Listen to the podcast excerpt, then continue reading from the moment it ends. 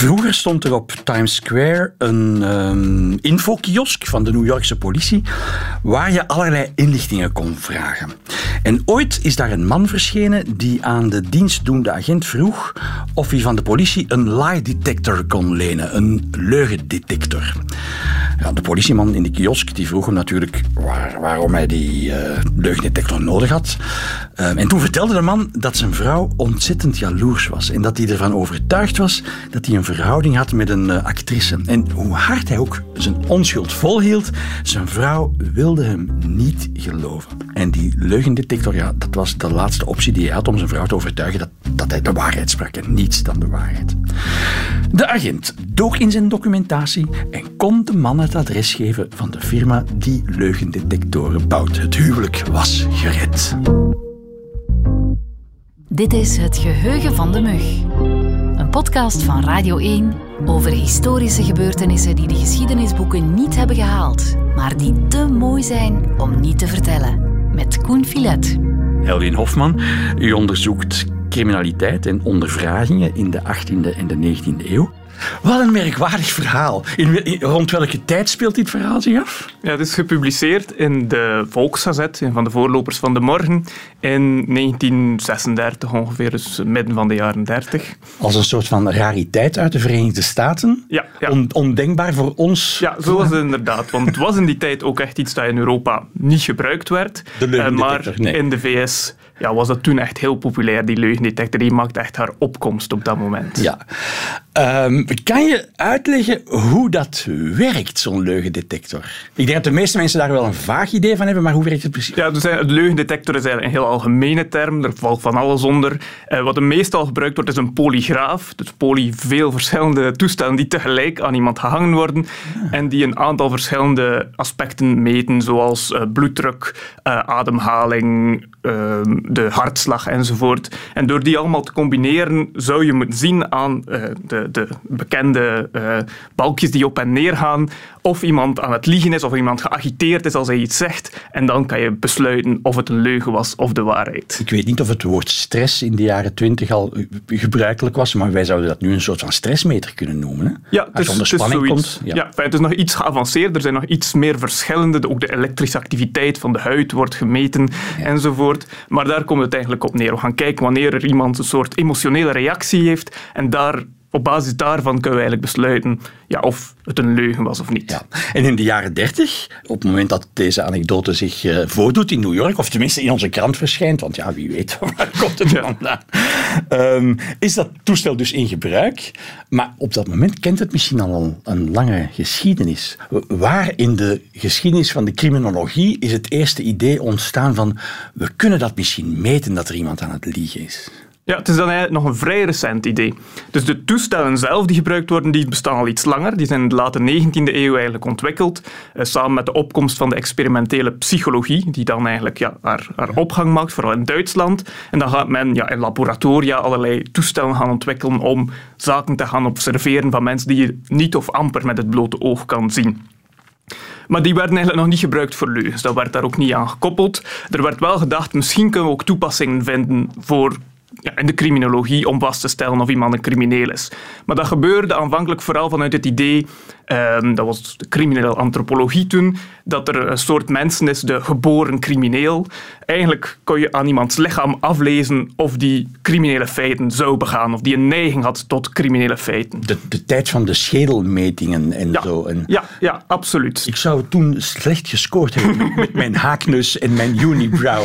Ja, we zijn gelukkig al iets geavanceerder nu. Nu gaan we een toestel aan je koppelen om te zien of jij een geboren crimineel bent of niet. En dus verschillende mensen, ook Jung bijvoorbeeld, de, de psychoanalyticus, die gaat een test gaan doen waarbij jij de, de bloeddruk gaat meten en de, de hartslag, gecombineerd met een woordassociatietest. En als mensen die test afleggen, dan uiteindelijk kan hij besluiten het is een crimineel of het is geen crimineel. Ja, uh, en men evolueert dan naar het idee van de crimineel schuilt in ieder van ons? Of overdrijf ik nu?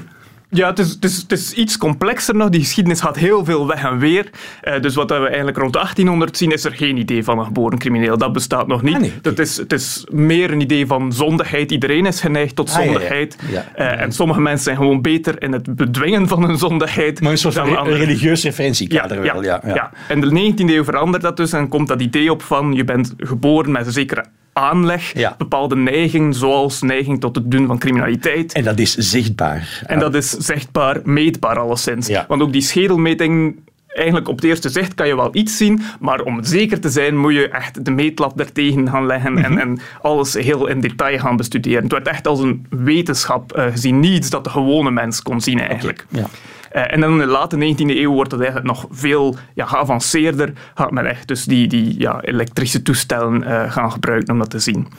Nu, de leugendetector bouwt daarop voort, maar is eigenlijk de volgende stap in dat idee. Verdwijnt weer dat idee van die geboren crimineel. Is er weer een veel individualistischer of liberaler idee uh, van hoe de mens werkt. Uh, en ja, kun je dus niet meer gaan meten of iemand een geboren crimineel is. Dat idee, ja, er zijn geen geboren criminelen. Precies. Maar diezelfde toestellen eigenlijk die gebruikt werden om die geboren criminelen te vinden, gaan ze gaan toepassen om ah, leugens te gaan ontdekken. Ja. En dat is eigenlijk de innovatie geweest in de Verenigde Staten in de jaren 1920. Uh, eh, William Marston, die later bekend geworden is omdat hij Wonder Woman ook heeft uh, uh, bedacht, die ontwikkelt dus ook die leugendetector.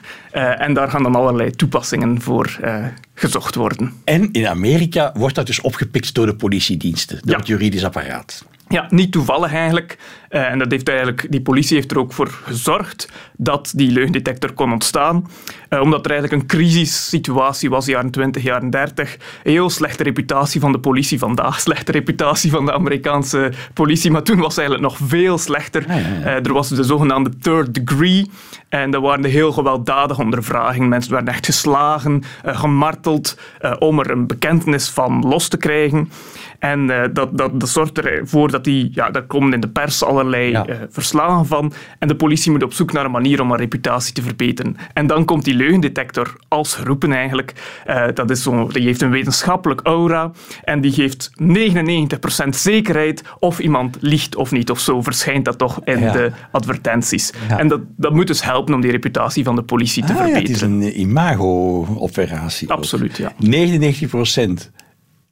Is het 99% zekerheid? Zeker niet. Uh, dat was wat er geadverteerd werd. Uh, in onafhankelijke onderzoeken, eigenlijk de leugendetector vandaag is nog vrij gelijkaardig aan die van toen. Uh, en ja, onderzoeken zeggen tussen het 60 en de 90% zekerheid of ja, de leugendetector een correct verslag heeft of niet. Dat is dus... Ja. ja 90% is redelijk, maar 60 is, is, is niet zeer denderend. Hoe komt het dat het in Amerika werd gebruikt en een succes werd, zoals ook blijkt uit uit, dit, uit dit verhaaltje. Dus mensen beginnen hm. dat echt te, te, te, denken van we kunnen dat in ons dagelijks leven ook gebruiken. Hoe komt het dat het in Europa, waarom waait het niet over?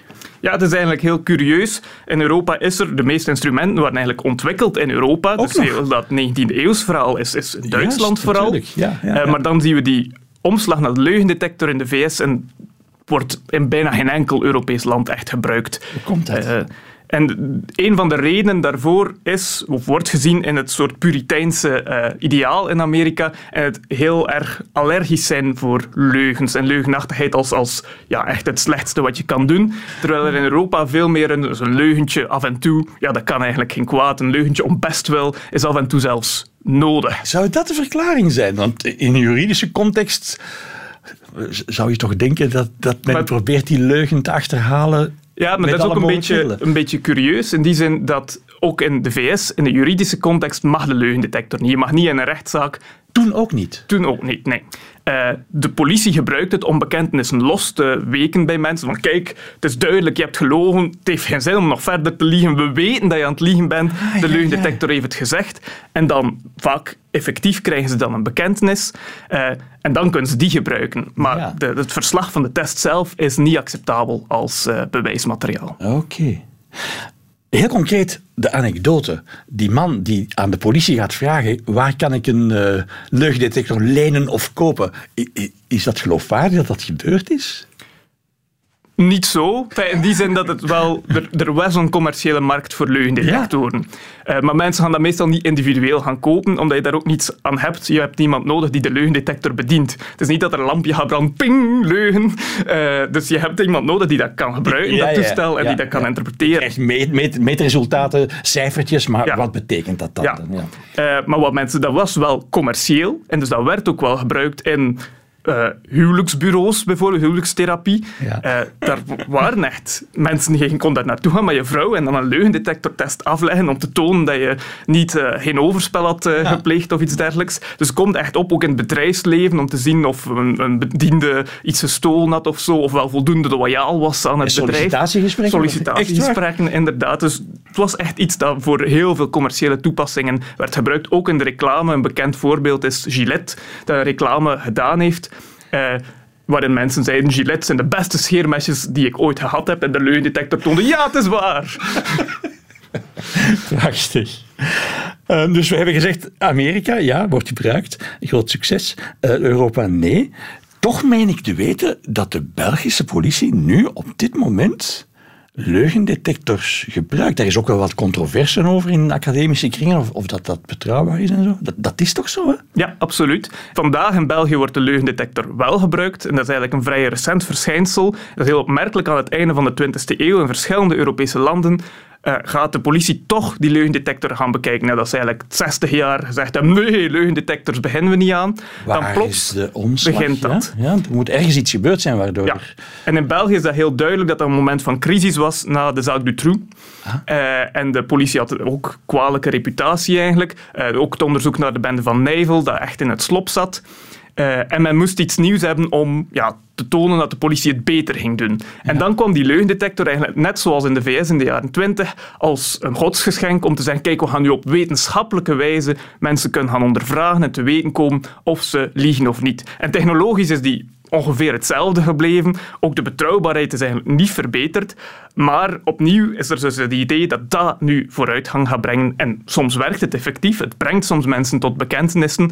Maar de betrouwbaarheid zelf blijft redelijk beperkt. Dus als ik dat nu goed begrijp, dan werkt de leugendetector niet omdat hij werkt in de zin van dat hij zekerheid geeft over liegen of niet liegen, maar wel omdat degene die ondervraagd wordt er bang van is op een of andere manier, of vreest van ontmaskerd te worden, en dus maar de waarheid spreekt, want anders ja, slaat die meter uit. Dat is, dat, is, dat is eigenlijk heel interessant. Dat is een techniek die sinds de 18e eeuw al is dat wat handboeken voor ondervragers uh, aanbevelen. Er zijn twee manieren om iemand tot een bekentenis te krijgen. Oké, nu wordt het interessant. Ja. uh, dus de eerste manier is... Er is zo'n een, een Duitse uh, jurist die in 1810 een boekje schrijft over het gebruik van psychologie bij ondervraging. Ja, ja, ja, En die schrijft, er zijn twee methoden. De eerste noemt hij de natuurlijke methode. Mm -hmm. En dat is dat je iemand probeert te laten vergeten dat er een straf komt als hij bekent. en focussen op ja, het onmiddellijke uh, de geruststelling die je zal krijgen door te bekennen. Ja. Dat, dat is oeh, de opluchting. Een gewetensrust, ja, ja, ja, ja, En dus daarop focussen en dus heel, heel vriendelijk zijn en, en um, uh, ja, doen alsof het niet zo erg is wat hij gedaan heeft, begrip tonen enzovoort. Dat is de eerste methode om iemand te laten bekennen.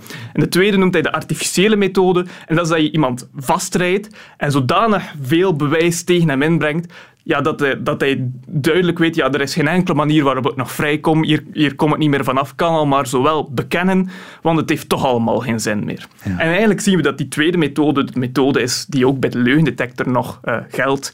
Namelijk, ja, overtuig de verdachte ervan dat hij toch sowieso veroordeeld zal worden.